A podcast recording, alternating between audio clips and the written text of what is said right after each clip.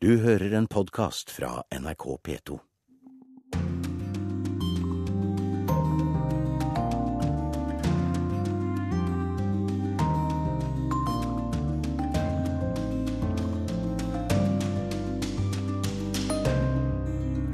Det er lørdag.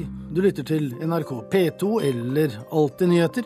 Programmet er Urix på lørdag, og siden dette er det nest siste såkalte UPL dette året, så vil vi ta noen tilbakeblikk, som f.eks. på det amerikanske presidentvalget og valgkampen før den egentlig begynner. Vi skal til Mellom-Amerika høre litt om konfliktene vi sjelden nevner, og ta for oss de såkalte BRICS-landene som har spådd en lysende fremtid. Hva skjedde? Og så spør vi hva som skjer med palestinerne og urolighetene på de kanter i det siste. Er det en ny intifada? Vi skal altså snakke om anti-selvmordskurs i Sør-Korea, og om amerikanske indianere som rir igjen 125 år siden massakren ved Wunder 9. Brevet, som riktignok er poststemplet Istanbul, er skrevet i New Delhi denne gangen. Dette er Urix på lørdag. Men vi begynner i Syria, der forholdene nå ligger til rette for at en fredsprosess kan innledes neste måned, etter at FNs sikkerhetsråd har vedtatt en resolusjon om veien videre. De fem faste medlemmene av Sikkerhetsrådet og de ti midlertidige medlemmene ble i går kveld enige om en tekst som USAs utenriksminister John Kerry kalte epokegjørende. The draft resolution has received 15 votes in favor and therefore the draft resolution has been adopted unanimously. Borgerkrigen er inne i sitt femte år. 300 000 mennesker er drept, og mer enn fire millioner er drevet på flukt. De menneskelige og materielle omkostningene har vært enorme, og selv om det har vært bred enighet om at det må bli en slutt på borgerkrigen, har USAs og Russlands syn på president Assads fremtidige rolle i Syria bidratt til at krigen har fortsatt. Akkurat det punktet er i prinsippet nå utsatt. USA som mener at Assad må gå, og Russland som mener at det er det opp til det syriske folk å avgjøre, kan muligens bli enige om en utfasing av Assad. Men akkurat det sier FN-resolusjonen ingenting om. For kampen mot IS i Syria er blitt så viktig at romslige formuleringer i teksten skyver viktige spørsmål foran seg. Utenriksminister Børge Brende sier vedtaket er viktig, og at det gir håp, men at det også har mangler. Det er klart at Vi kunne tenkt oss en enda klarere resolusjon når det gjelder veikartet og en raskere utfasing av Assad, som har et stort ansvar for den borgerkrigen og mange av de overgrepene vi har sett i Syria. Men det at vi har nå fått Russland med på en slik eh, resolusjon, er jo svært viktig. Det er en, eh, et vesentlig diplomati som har pågått mellom USA og Russland de siste ukene. slik at uh, Dette er jo noe vi ikke har fått til på fem år. og Denne borgerkrigen må det bli slutt på. Det er en humanitær katastrofe. Nærmere 300 000 mennesker drept. Og vi ser jo nå at terror òg sprer seg over store deler av verden. Og vi ser at borgerkrigen har ført til en migrasjonskrise vi ikke har sett siden andre verdenskrig. Tilsynelatende stor enighet i FN, altså. Men diplomatene advarer. Dette betyr ikke slutt på krigshandlingene, og en slik resolusjon er ikke bindende for IS eller andre ytterliggående grupper i Syria. Vi hørte utenriksminister Børge Brende si at det var viktig at USA og det store vestlige vi hadde fått russerne med på en slik resolusjon. Og Morten Jentoft, eh, korrespondent i Moskva, hvordan ser akkurat det ut fra Moskva? Mm, ja, det ser vel litt annerledes ut uh, herfra. Russerne, eh, hvis vi snakker om den politiske ledelsen, i alle fall da, mener jo det er de som nå har eh, presset eh, USA, først og fremst, da, eh, bl.a. gjennom utenriksminister John Kerrys besøk her eh, tirsdag denne uken, eh, til nå å eh, gi opp dette kravet om en umiddelbar avgang for Assad-regimet som en forutsetning for videre forhandlinger, og at det er de da som på en måte har vunnet frem eh, for å få til den resolusjonen som man ble enige om i New York i går. Eh, eh, samtidig så er det klart at russerne ser også at de må gi noe her også. og har ganske klart gitt uttrykk for at det er ikke noen forutsetning for dem at Bashar al-Assad blir sittende for evig tid i Syria. men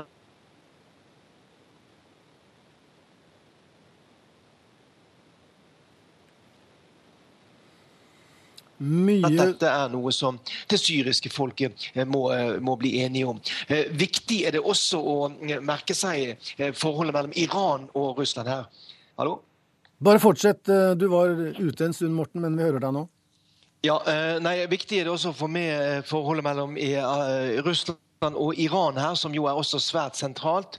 Fra russisk hold mener man at eh, Vladimir Putin under sitt besøk i Teheran i, eh, i november da, også klarte å overbevise den eh, den iranske lederen Ali Khamenei om at de også kanskje må fire noe på sitt Eh, bastante, sin bastante støtte til Bashar al-Assad og hans regime, eh, dominert av eh, de sjiamuslimske alawittene i Syria. Sånn at her er det jo et spill mellom, mellom flere parter, men, men, der man mener at Russland har spilt en viktig rolle både i forhold til Iran og også overfor USA.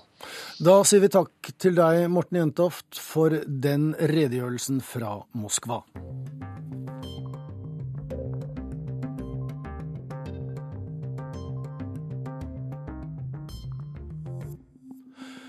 Mange vil kanskje mene at vi i NRK og andre allerede i det nærmest uendelige har dekket den amerikanske valgkampen, men det er altså først nå den virkelig begynner. De mange håpefulle får i beste fall en kort juleferie, for den 1. februar begynner primærvalgene med votering i Iowa, og så går det slag i slag.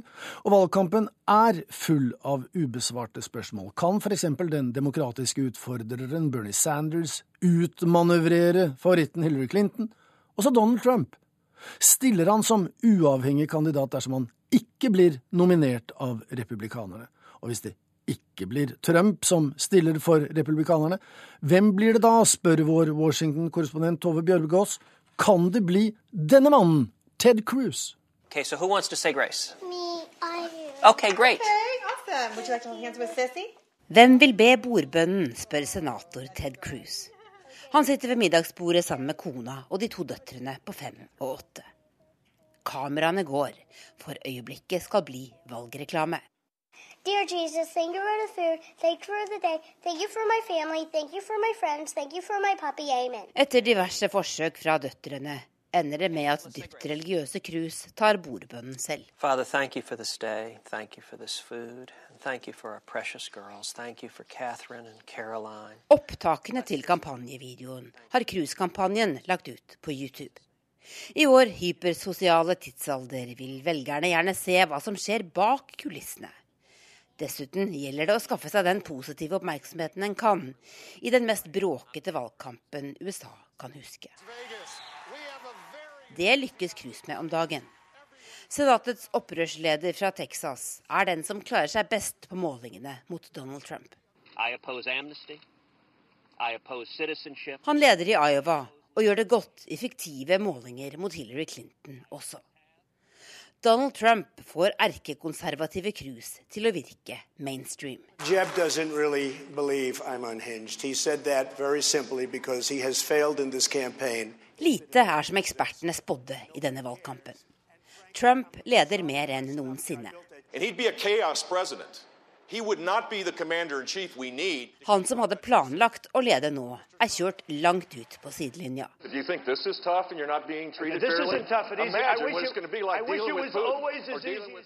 Jeb Bush ble virkelig sint på Trump i debatten på onsdag, men det virker som det er for sent. We are a big-hearted country, and we should never forget that. And we shouldn't let anybody on the public stage say that we på den andre siden får Hillary Clinton stadig mindre reell motstand. Men også blant demokratene er det rikelig med rabalder.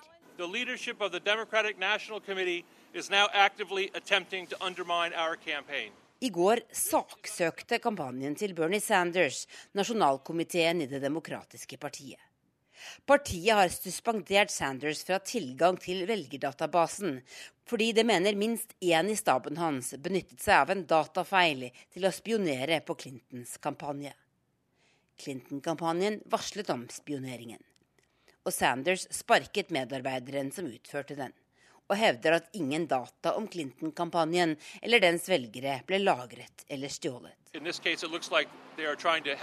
uh, Partiet forsøker å hjelpe Clinton og ødelegge kampanjen vår, mener Sanders kampanjeleder Jeff Weaver. Han hevder Sanders taper 5,3 millioner kroner om dagen på suspenderingen, og at det er en total overreaksjon. I kveld møtes Sanders og Clinton til TV-debatt i New Hampshire. Der kan det bli dårligere stemning enn på lenge. Frankly, I'm the most solid person up here. I built a tremendous company, and all I want to do is make America great again. Det største spørsmålet er imidlertid stadig det samme. Kan Donald Trump virkelig bli nominert? Og selv om han vinner primærvalgene, kan det republikanske partiet gjøre opprør mot ham på landsmøtet sitt neste sommer. Og dersom han ikke vinner nominasjonen, vil han da stille som uavhengig kandidat og sørge for at Hillary Clinton blir USAs neste president? Trumps veier er uransakelige, og ingen stoler på ham når han sier at han ikke vil stille opp på egen hånd. Han har truffet en nerve i USA blant alle dem som er drittlei vanlige politikere og føler at samfunnet tråkker på dem. Mange av de samme støttet Tea Party-opprøret i 2010 og Sarah Palins rampete visepresidentkampanje i 2008. Men Trump favner bredere. Han er mørkemann og optimist på samme tid. Og han bruker mediene nøyaktig som han vil. A late night version of what a Donald Trump children's book would look like. Winners do deals and winners get rich. Denne uka fikk han også størst uttelling på en av de virkelig store nyhetssakene. Premieren på den nye Star Wars-filmen. I denne klassiske Star Wars-scenen har den sorte skurken Darth Vader fått en ny, men velkjent stemme. She said it was very unfair the way the She'll media. die before she'll tell you anything. You've known me for a long time, Bill. I do get along with people. I deal with foreign countries. I've made a lot of money dealing against China. I've made a lot of plans are not aboard this ship, and no transmissions were made. Hvor ender så sagaen om Det hvite hus 2016? Vi i media overdekker amerikanske valgkamper så til de grader fordi det står om verdens mektigste embete. Men også fordi underholdningsverdien ofte er høy.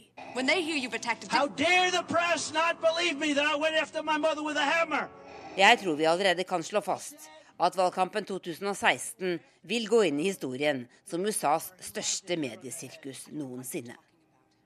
Og nå som valgåret straks er i gang, skifter den allerede heseblesende valgkampen gir. Trump, Clinton og de andre kan se langt etter årets juleferie. Cruz. Det kan også Ted Cruz og døtrene Catherine og Caroline gjøre. And we approve this message. Okay, a little bit faster, though. That was good. I'm Ted Cruz, and we approve this message. I'm Ted Cruz, and we approve this message. Ja, og Ted Cruz har fremdeles litt tid til å finpusse formen, fordi at selve valget det skjer jo ikke før 8. november neste år. Men det er ikke bare det fremtidige amerikanske valget som har tatt stor plass i nyhetsbildet dette året. Syria og Ukraina, flyktninger og Schengen-avtalens fremtid. Mens lite har vært sagt, og for den saks skyld skrevet, om den vestlige halvkules flyktningkrise. Ifølge FN ble minst 140 000 mennesker tvunget på flukt i de mellomamerikanske landene Honduras, El Salvador og Guatemala i fjor. Ikke på grunn av krig, men på grunn av vold. Bunnløs fortvilelse nord i Honduras. Åtte ansatte i det offentlige transportselskapet er nettopp skutt og drept av åtte menn som åpnet ild på en bussterminal. Ramón Palma ilte til og fant sin svoger blant de døde. Han var sjåfør. Men dette er bare den første av to massakrer som skjer i det fattige mellomamerikanske landet denne novemberdagen. Ikke langt fra hovedstaden Tegucigalpa blir sju unge menn til drept. De er mellom 19 og 36 år. Også her er man sikker på at det er voldelige gjenger som står bak. Honduras er et av verdens farligste land.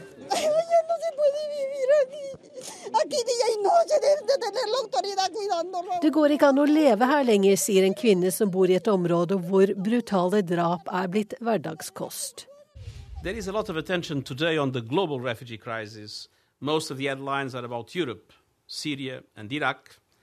But there is a very challenging displacement crisis unfolding right here in the Americas that must no longer be ignored. Vi kan ikke lenger ignorere Mellom-Amerikas flyktningkrise, sier FNs høykommissær for flyktninger, Antonio Guterres.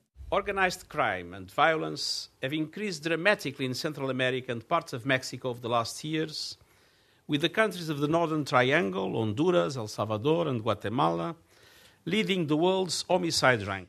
Ingen steder i verden er mordraten høyere enn i det som kalles det nordre triangelet. Honduras, El Salvador og Guatemala. Voldelige gategjenger, Maras heter de, kontrollerer hele bydeler. Og den som lever i frykt for at de selv eller deres nærmeste blir den neste som blir utpresset eller voldtatt eller tvangsrekruttert eller drept av gjengene, flykter fra sine hjem.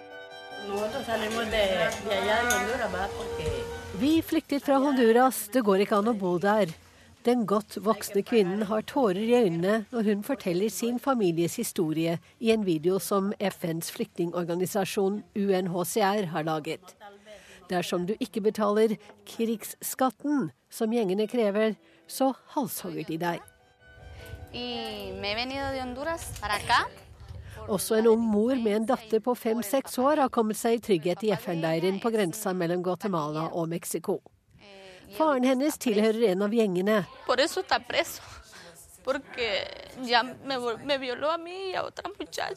Han voldtok meg og truet med å drepe meg hvis ikke han fikk barnet så jeg kunne ikke bli der.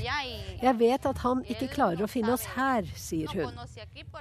Ifølge FN flyktet minst 140 000 mennesker fra kriminelle gjenger og narkotikakarteller i Mellom-Amerikas nordre triangel i fjor.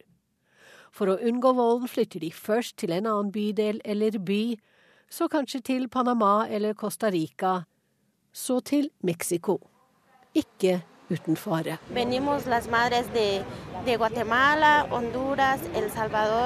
Tidligere denne måneden marsjerte 50 mødre fra Guatemala, Honduras og El Salvador i sentrum av Mexico by. Vi er her fordi vi deler mye smerte, sier Vilma Leticia Sales til Reuters. De bærer bilder av sine barn og krever at meksikanske myndigheter finner ut hva som skjedde med dem. For de forsvant på vei til USA.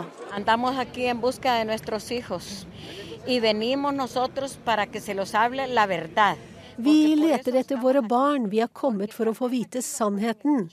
Clementina Musia fra Honduras leter etter sine to sønner. Vi leter etter både de levende og de døde, sier hun. Også i den vestlige halvkules strøm av mennesker på flukt er det mange enslige mindreårige mange barn. This morning now we want to start off with that huge developing story. In just a matter of hours, hundreds of unaccompanied children are set to arrive in North Texas. Those kids caught in the Rio Grande Valley trying to enter the country. And here's what we know so far. The children are between 12 and 17 years old, mostly from Central America. Mange av barna når faktisk fram til USA. I oktober og november alene anholdt amerikanske grensemyndigheter flere enn 10 500 enslige mindreårige asylsøkere. De aller fleste av dem fra Mellom-Amerika, tenåringer som har flyktet fra gjengene i sine hjemland.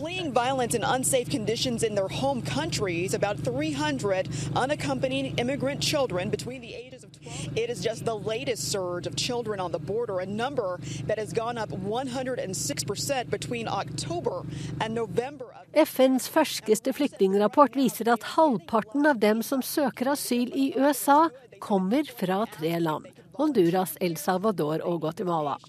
Fra Honduras alene har tallet økt med hele 209 siden i fjor.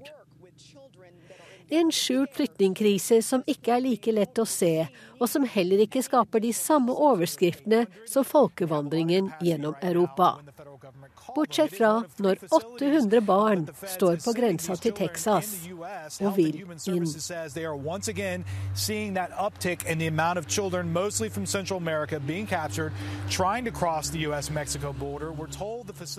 Ja, TV-opptakene vi rører, de er hentet fra WF-AA i Dallas, og reporter var Wenche Eriksen. Konflikten mellom Israel og Palestina har i hele høst vært preget av opptøyer på den okkuperte Vestbredden og i Øst-Jerusalem. Og så sent som i går så ble en palestinsk steinkaster skutt og drept av israelske styrker ved Ramallah. Spørsmålet er om dette er en sentralstyrt og planlagt intifada, eller om det er spontane ungdomsopptøyer der de kaster stein. Meningene er delte på palestinsk side. Midtøsten-korrespondent Sigurd Falkenberg Mikkelsen har besøkt både Gaza og Vestbredden og stilt dette spørsmålet.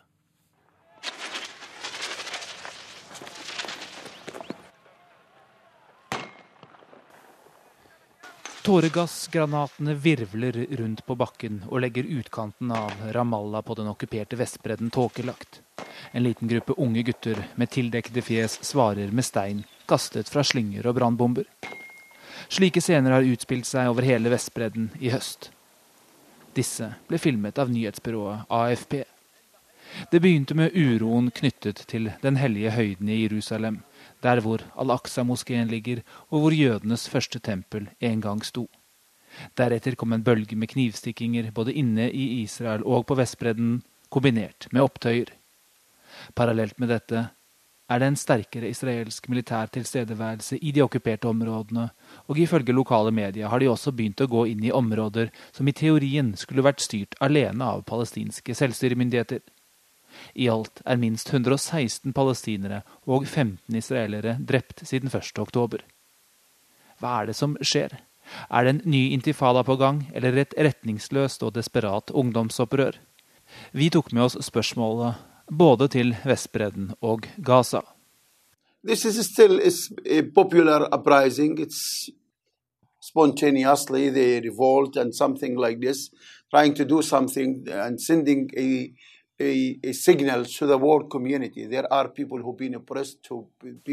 dette er fortsatt en folkelig oppstand. Den ledes ikke av noen.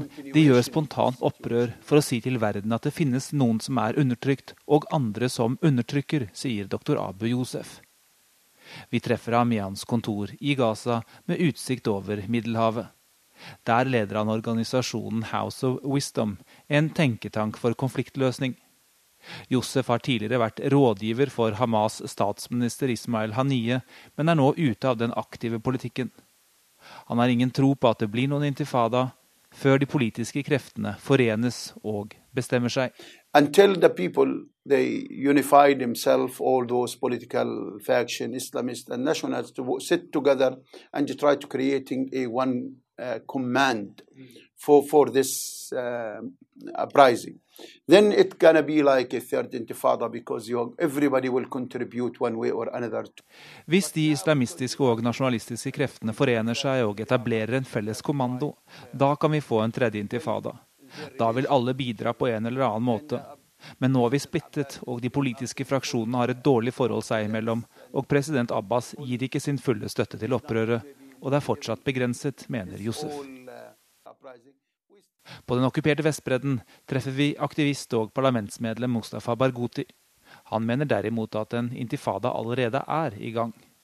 I believe so. I think this is the beginning of a new intifada, which is very similar to the first intifada in the sense that it is popular, non-violent mostly, and uh, aiming at one very specific goal to end occupation and liberate Palestine from this occupation.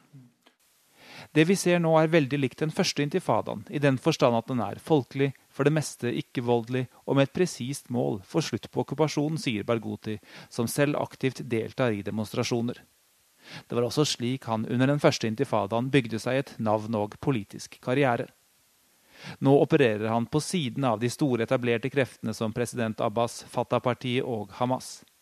Han sier også at splittelsen dem imellom vanskeliggjør en intifada, men han tror opprøret vil tvinge dem til samarbeid. We can't achieve victory without unity, but you can have a mass movement before unity.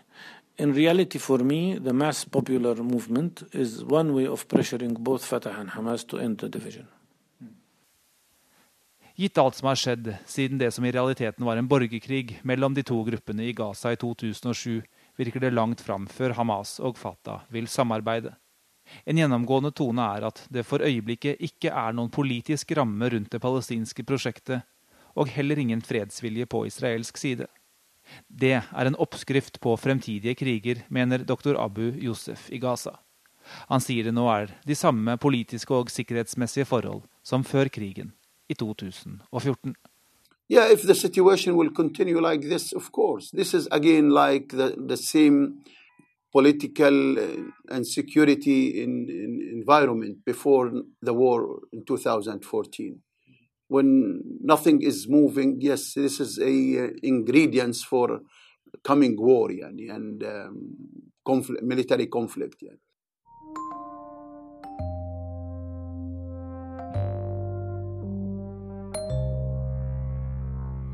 Det skal handle om BRICS, fem land som for få år siden hadde verdens raskest voksende økonomier, og som ble spådd en lysende fremtid. Men mye har gått galt i Brasil, Russland, India, Kina og Sør-Afrika de siste årene, og de som spådde USA og dollaren en dyster fremtid, de har til nå tatt feil.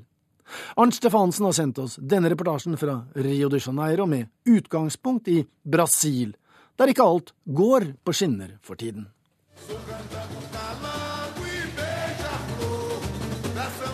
Det nærmer seg karneval, men det er ikke lenger samba for Brasils økonomi. En melankolsk tango passer bedre nå mot slutten av et av de verste kriseår i dette landet på svært lenge. Da tallene for tredje kvartal ble presentert for pressen nå i begynnelsen av desember, ble mange sjokkert over tilstanden i landets økonomi. Claudia Dionisio, som er talskvinne for Brasils statistikkmyndighet, oppsummerer situasjonen slik. Bruttonasjonalproduktet falt med 4,5% i tredje kvartal sammenlignet med samme periode i fjor. Og det er den største nedgangen vi har målt på 25 år her i Brasil, sier talskvinnen. Ekspertene frykter nå at fallet i brasiliansk økonomi blir på minst 5% i år. En voldsom kontrast til situasjonen for bare fem år siden, da landet fosset frem med en vekst på 7,5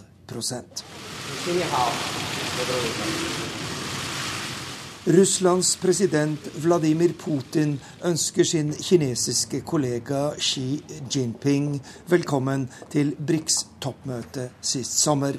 Det sjuende i rekken siden Kina, Russland, Brasil, India og senere Sør-Afrika startet sitt samarbeid. Stemningen på møtet er dempet, og de store vyene er lagt til side. En sterk kontrast til euforien for noen år tilbake, da BBC laget denne visjonen av et BRICS-toppmøte anno 2050.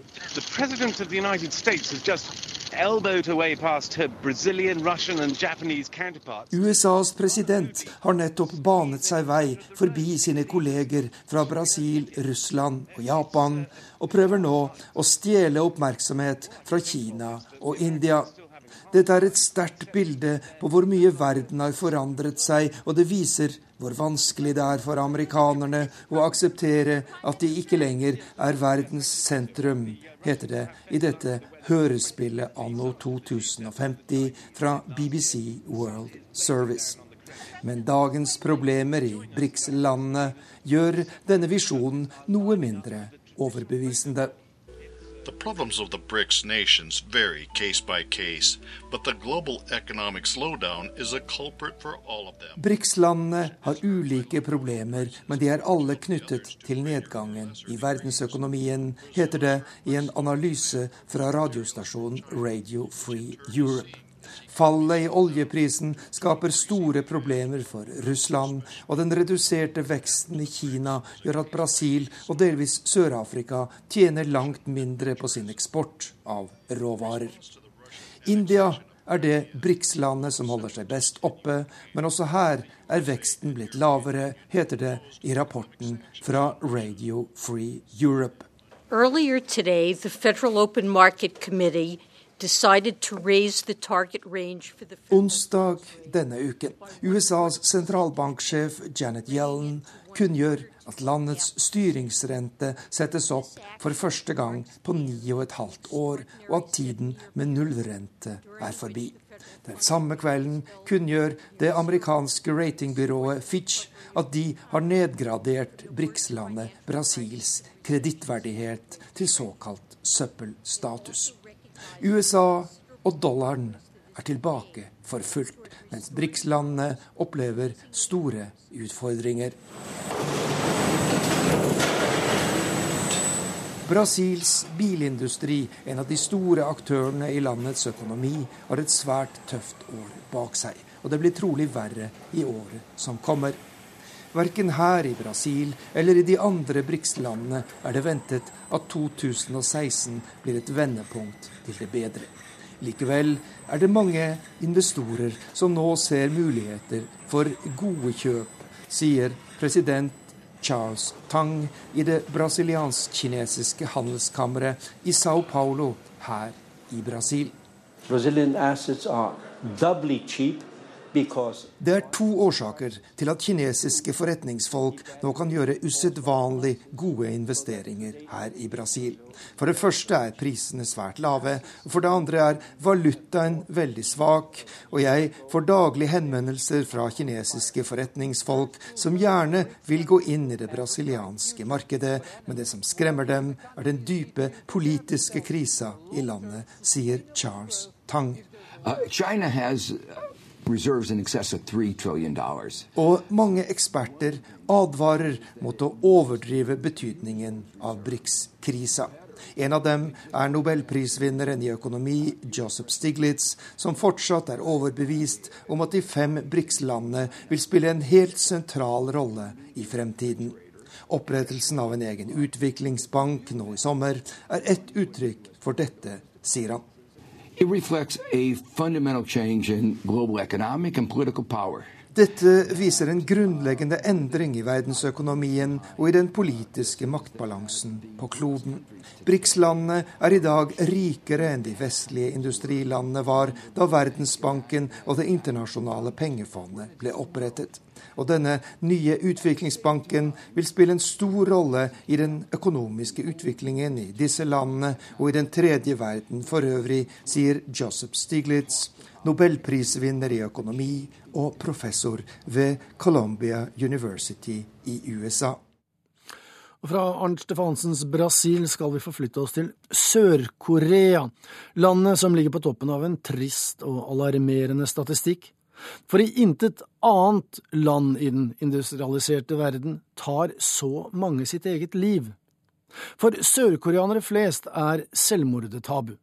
Men ikke for munkene, som har satt opp egne kurs for å forhindre at ulykkelige mennesker begår selvmord. I terapi planlegger kursdeltakerne sin egen begravelse. Været er godt i dag. Det er en vakker dag å dø på, sier Kim Ko-ho, en buddhistmunk som forsøker å redde mennesker som tenker på å ta sitt eget liv. Han tilbyr en ny type terapi for å få bukt med Sør-Koreas dystre statistikk. Selvmord er den fjerde vanligste dødsårsaken i landet, og den hyppigste dødsårsaken for mennesker mellom 10 og 30 år. Arbeidspress, karakterpress og mangel på pensjonssystem er av årsakene til at så mange sørkoreanere tar livet sitt. På bygda er tallene høyere enn i byene men selvmord er forbundet med tabu og stigma.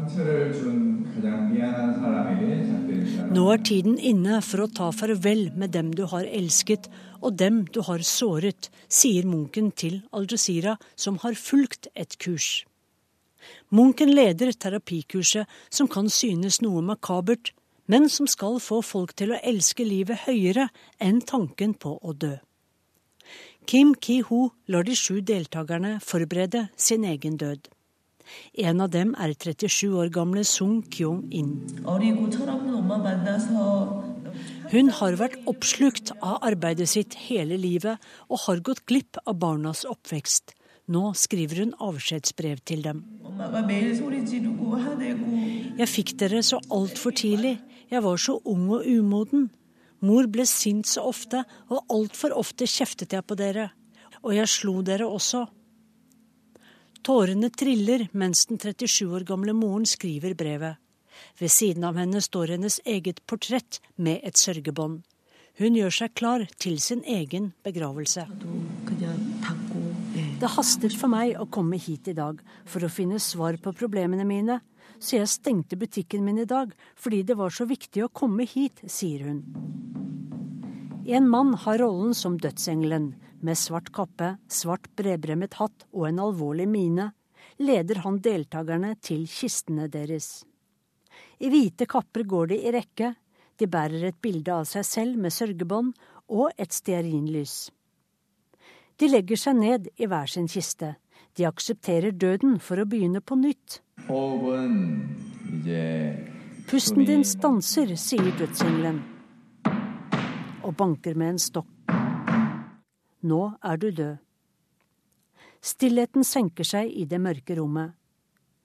Hva skal du gjøre i det neste livet ditt, spør munken mens de ligger inne i trekistene. Hva slags liv er det egentlig du ønsker deg? Etter ti minutters tid åpnes lokkene. Kursdeltakerne reiser seg og går ut av kistene. Jeg føler meg lettet, det er som om en tung bør er borte og det er som om jeg er født om igjen og blitt en sterkere person. Nå skal jeg forsøke å gjøre mye mer for barna mine, og gjøre det jeg aldri rakk å gjøre før, sier den 37 år gamle moren, som bare for litt siden skrev sitt avskjedsbrev. Selv om sjokkterapien virker makaber, er meningen å gi folk livsgnisten tilbake. Gjennomsnittlig tar 40 sørkoreanere sitt eget liv hver dag, dobbelt så mange menn som kvinner. Mange er studenter som ikke takler presset om å få toppkarakterer på universitetene og høyskolene. Mange er ansatte som ikke greier å møte kravene om økt effektivitet på de store bedriftene. Siden mange sørkoreanere ikke får sikret alderdommen med pensjoner, er mange for stolte til å snakke om økonomiske problemer, og noen velger å avslutte livet heller enn å be om hjelp. Munken mener at materialisme og statusjag gjør mange mennesker ulykkelige. Livet hadde blitt for materialistisk og hadde ikke noen mening for dem lenger, de som kom på dette kurset. De mistet bevisstheten om sin egen identitet og verdi. Og det å møte døden på denne måten lar dem finne tilbake til deres egentlige sjel, forklarer buddhistmunken Kim Ki-ho. Men ifølge BBC tas denne sjokkterapien også i bruk av store bedrifter som vil at overarbeidede og stressede ansatte skal sette større pris på livet de har. Reporter her var Sissel Wold, og det skal kanskje, dessverre, bli mer død, for denne julen er det 125 år siden massakren ved Wounded Knee i Sør-Dakota i USA. Mer enn 150 indianere mange kvinner og barn, forsvarsløse og ubevæpnet, ble drept av tungt væpnede soldater. Dette var på ingen måte den første indianermassakren i amerikansk historie, men skulle i ettertid vise seg å bli den siste. I romjulen hvert år i 30 år nå har Sioux-indianerne i Sør-Dakota arrangert et minneritt, slik at ingen skal glemme nedslaktningen av urfolket for 125 år siden.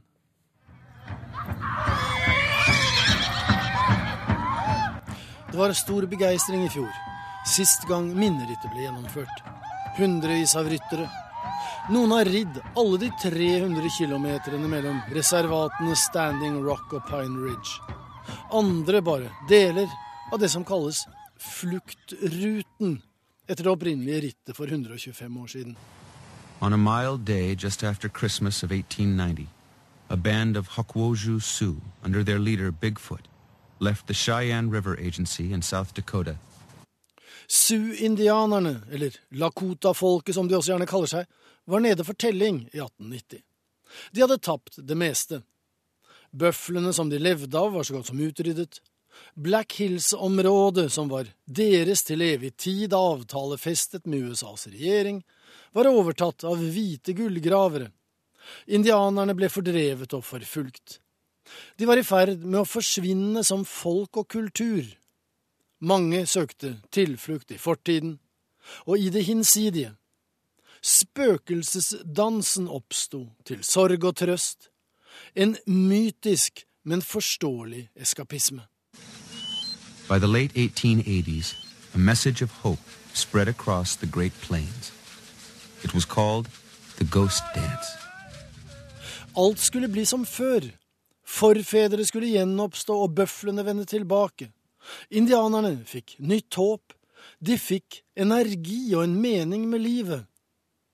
De hvite settlerne følte seg truet, og militærmakten grep inn. The Ghost Dance hurt no one, but as it spread, white settlers panicked. The United States government outlawed the dance. Da den legendariske høvdingen Sitting Bull ble drept den 20. desember 1890, søkte hans stamme tilflukt hos halvbroren Spotted Elk, av de hvite gjerne kalt Bigfoot. Bigfoot var først og fremst en kløktig indiansk diplomat. Han skjønte at for å overleve som folk så måtte indianerne slutte fred med okkupasjonsmakten, slik han så det. Bigfoot overga seg. Han førte hvitt fredsflagg, og stammen leverte inn sine våpen. Men As Bigfoot's people gathered around the flag of truce outside his tent, four powerful Hotchkiss rapid repeating guns were mounted above the camp. I 1970 skrev den hvite bibliotekaren Dee Brown boken Bury My Heart at Wounded Knee. Dette var indianernes opplevelse av det som skjedde den gang.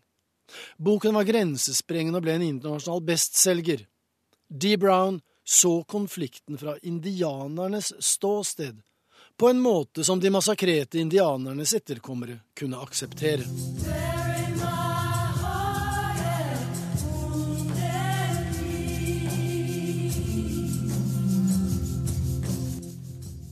Boken 'Bury My Heart at Wounded Knee' kom i etterkant av studentopprøret, midt under Vietnamkrigen, og falt i tid sammen med kvinnefrigjøringens spede begynnelse og svart bevisstgjøring blant afroamerikanerne.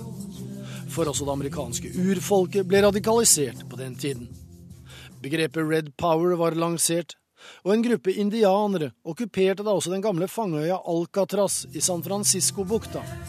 Den sto såkalt ubrukt, og American Indian Movement, AIM, holdt øya i 19 måneder i perioden 69 til 71.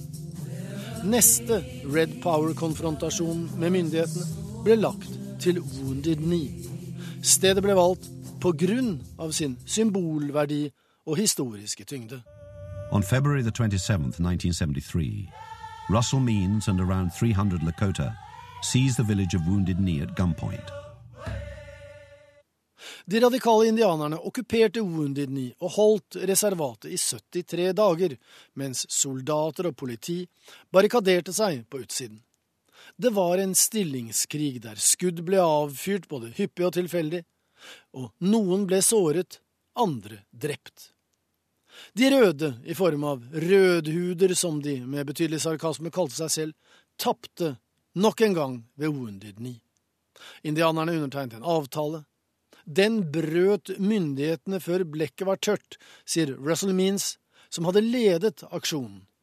Ingenting var oppnådd. They lied to us 20 minutes after we signed the agreement. They started violating every damn one of them. So that went for naught. Så rir de altså igjen, i kald vind og dyp snø. Likevel så er det slik at kuldegradene varmer.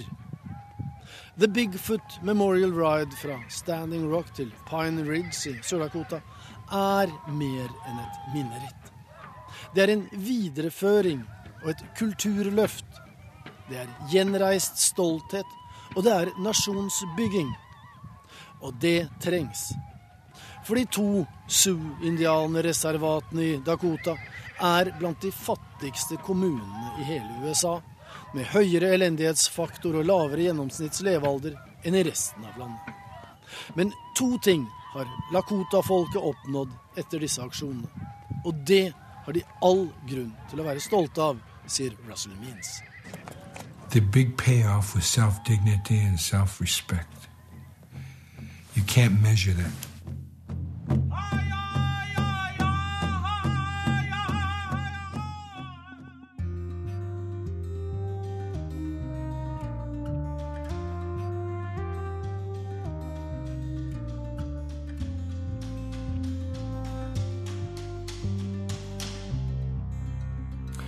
Det begynner å gå mot slutten for denne Urix på lørdag-sendingen, og det er på tide å åpne lørdagens korrespondentbrev. Det er poststemplet Istanbul, men skrevet av vår Øst-Asia-korrespondent Kristin Solberg. Jeg var spent på hvordan det gikk med henne, for det er gått tre år. Jeg håpet at hun hadde klart å finne en måte å leve med det som skjedde. Men tre år, det er ikke mer enn et øyeblikk og hun gråt begge gangene jeg møtte henne i Delhi denne uken. Hun sa, tiden, den går, den venter ikke på noen. Men ikke spør hvordan tiden er gått i disse årene, for det aner jeg ikke. Da jeg kom inn i stuen hennes og vi satte oss ned for et intervju, var jeg var alle tegn på hvordan hun hadde det. Aller først la jeg merke til neglelakken. En lilla farge, nylig påført. Det gledet meg å se. Men så begynte hun å snakke, og da var stemmen fremdeles kraftløs og hul av sorg, og tårene rant nedover kinnene. For tre år siden hadde Asha Devi en datter hun kalte Joti, et navn som betyr lys på hindi. Da Asha fødte Joti, var hun bare litt yngre enn datteren var da hun ble drept, men det visste hun naturligvis ikke da hun holdt henne i armene for første gang. Det er noe naturstridig med foreldre som overlever sine barn, og hvis man ønsker å bevare troen på mennesket, må man insistere på at det også er noe naturstridig ved måten det skjedde. Joti Singh, en 23-årig fysioterapistudent, ble gjengvoldtatt av seks menn på en buss i Delhi 16.12.2012, og døde senere av store indre skader. Jeg kjente ikke Asha Devi før denne tragedien, men jeg kan se omrisset av kvinnen hun var, i skyggen av kvinnen hun er nå. I vår samtale satt hun på en plaststol i stuen, der veggene er nakne bortsett fra priser og utmerkelser som datteren har fått etter sin død. Asha sa, Jeg får ikke sove. Jeg går ut, jeg gjør det jeg skal, men jeg orker ikke å være hjemme alene. Første gang jeg møtte Asha, var bare tre uker etter at datteren ble voldtatt og drept. Hun satt da i en seng, tullet inn i en dyne, for det var januar og kaldt i Delhi. Kroppen hennes rugget sakte fram og tilbake, og hun hadde nesten ikke spist eller snakket siden det skjedde. Jeg husker spesielt neglelakken på fingerneglene. Den var begynt å flasse av, men var et tegn på at et lykkeligere liv, et liv da hun hadde energi til å bry seg om slikt, ikke var langt tilbake i tid. Sorg er ikke en enhet det er mulig å måle, men jeg kunne ikke dy meg for å tenke at det kanskje måtte være aller verst for Asha, verre enn for hennes ektemann og for sønnene. For det var til henne at datteren hadde fortalt hva som skjedde da hun lå på dødsleiet. Hun fortalte hvordan hun hadde vært på kino sammen med en kamerat, der de hadde sett Life of Pi i 3D på et av de mange kjøpesentrene for verdens største middelklasse. På vei hjem, i nitiden om kvelden, fant de ikke en ledig rickshaw eller taxi. De gikk isteden på en nesten tom buss, kjørt av seks menn med vonde hensikter. Der inne, mens kjøretøyet rullet gjennom Delhis gater, ble Joti offer for det som skulle bli den mest omtalte kriminalsaken i India i senere tid. Men det var ikke alt hun sa. Joti fortalte sin mor detaljer om mennene og hva de gjorde, om et jernrør som påførte henne så store indre skader at legene sa de var umulige å reparere, om hvordan de byttet på å kjøre slik at alle fikk torturere henne, og om navnene de hadde kalt henne. Og mens de kalte henne navn hun ikke gjenkjente, hadde hun merket seg deres navn, detaljer ved deres utseende og dialekter, detaljer og navn hun på dødsleiet ga videre til sin mor, slik at moren i det minste kunne sørge for rettferd. Skjønt, hvilken rettferd kan det bli når en datter er drept? Tre år senere vet Asha Devi svaret. Det kan aldri bli rettferd. Men hun er ikke fornøyd med straffen gjerningsmennene har fått. Hun ser på meg og sier, kriminelle har mange rettigheter, men de døde, de har ingen. Og de etterlatte, de har ingen fred. Fire tiltalte er dømt til døden, men har anket saken til den høyeste rettsinstansen i India, der den nå behandles. Foreldrene snakker om at de må bli hengt, de anser det som en dyp urettferd at det ikke allerede er skjedd. Et liv for et liv. Og den femte, han som var 17 år da Joti ble drept, ble dømt til lovens strengeste straff for mindreårige, tre år på ungdomshjem. Han løslates i disse dager. Som en vond spøk var løslatelsesdatoen planlagt til nettopp 16. desember, treårsdagen for voldtekten. Asha sier løslatelsen betyr at det onde vant. Og jeg, som mener dødsstraff er et overgrep, som mener rettsprinsipper må følges selv om det gjør vondt for pårørende. Jeg sitter der og lytter til Ashas hule stemme med tørr munn. Jeg vet ikke hvorfor den grep meg så kraftig, akkurat denne saken. Det er en rapportert voldtekt i India hvert 20. minutt, og mørketallene er store. Jeg har møtt og intervjuet mange kvinner som er blitt rammet, både i India og andre steder, og de er blant de vanskeligste intervjuene jeg gjør. Kanskje var det fordi noe ved denne historien var så gjenkjennelig. Joti hadde vært på et kjøpesenter jeg har vært mange ganger. Jeg så Life of Pi i samme kino. Og hvem har ikke stått der, på den tiden av kvelden, og ikke klart å finne en ledig taxi? Hvem har ikke følt seg trygg nok, fordi man reiser sammen med en mann, til å ta et transportmiddel man alene ville ha unngått? Jeg har bodd i Delhi og i den byen, som kalles Indias voldtektshovedstad, levde jeg med en lang liste med selvpålagte forbud. Ikke gå i ensomme gater om kvelden. Ikke sett deg i en ukjent taxi etter mørkets frembrudd. Ikke snakk med fremmede menn. Og nå var plutselig et nytt ikke lagt til denne listen. Et ikke som effektivt ugyldiggjorde en siste rest av opplevd trygghet. Tro ikke at du er trygg selv om du reiser i følge med en mann. Asha sier, vi hadde bare én datter, smerten vil være med oss for alltid.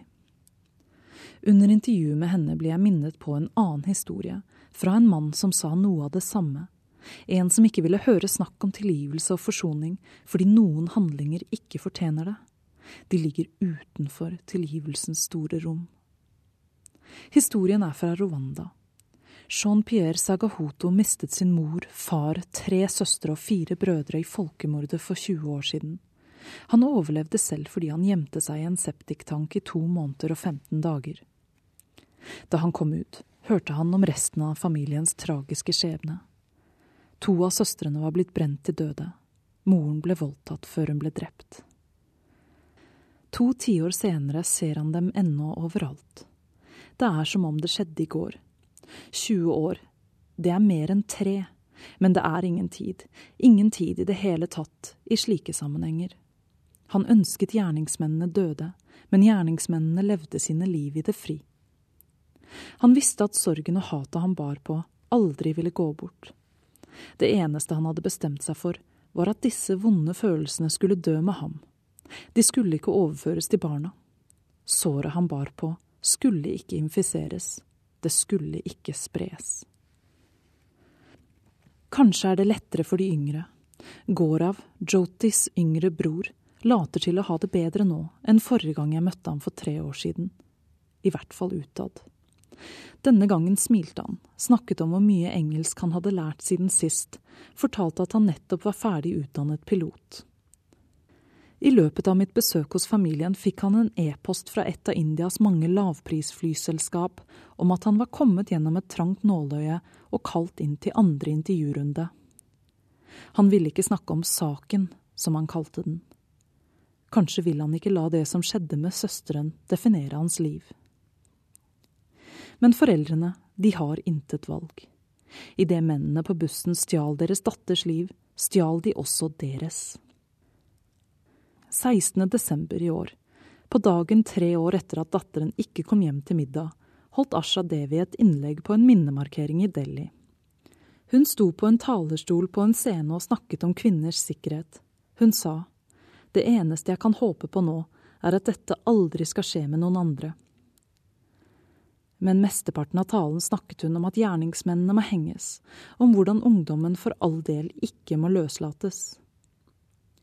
Så satte hun seg ned, la begge hendene foran ansiktet og hulket. Tre år, det er virkelig ikke mer enn et øyeblikk. Og kanskje går det aldri an å gå videre etter noe slikt. Kanskje blir sorgen og hatet en del av deg, som cellene i kroppen, men til forskjell fra dem erstattes de ikke, de blir bare værende. Da er det på tide å runde av, men før det skal jeg minne om at deler av denne sendingen, inkludert eh, Kristin Solbergs korrespondentbrev som vi nettopp har hørt, det kan høres på ny i P2 etter nyhetene klokken 16.30 i ettermiddag. Og for øvrig så finnes det jo digitale muligheter på nrk.no til å høre dette her når som helst, hvor man vil. Urikstrioen denne lørdagen har bestått av teknisk ansvarlig Hanne Lunås, produsent Oda Holm Gulbrandsen, og her i studio sitter jeg, Joar Hoel Larsen.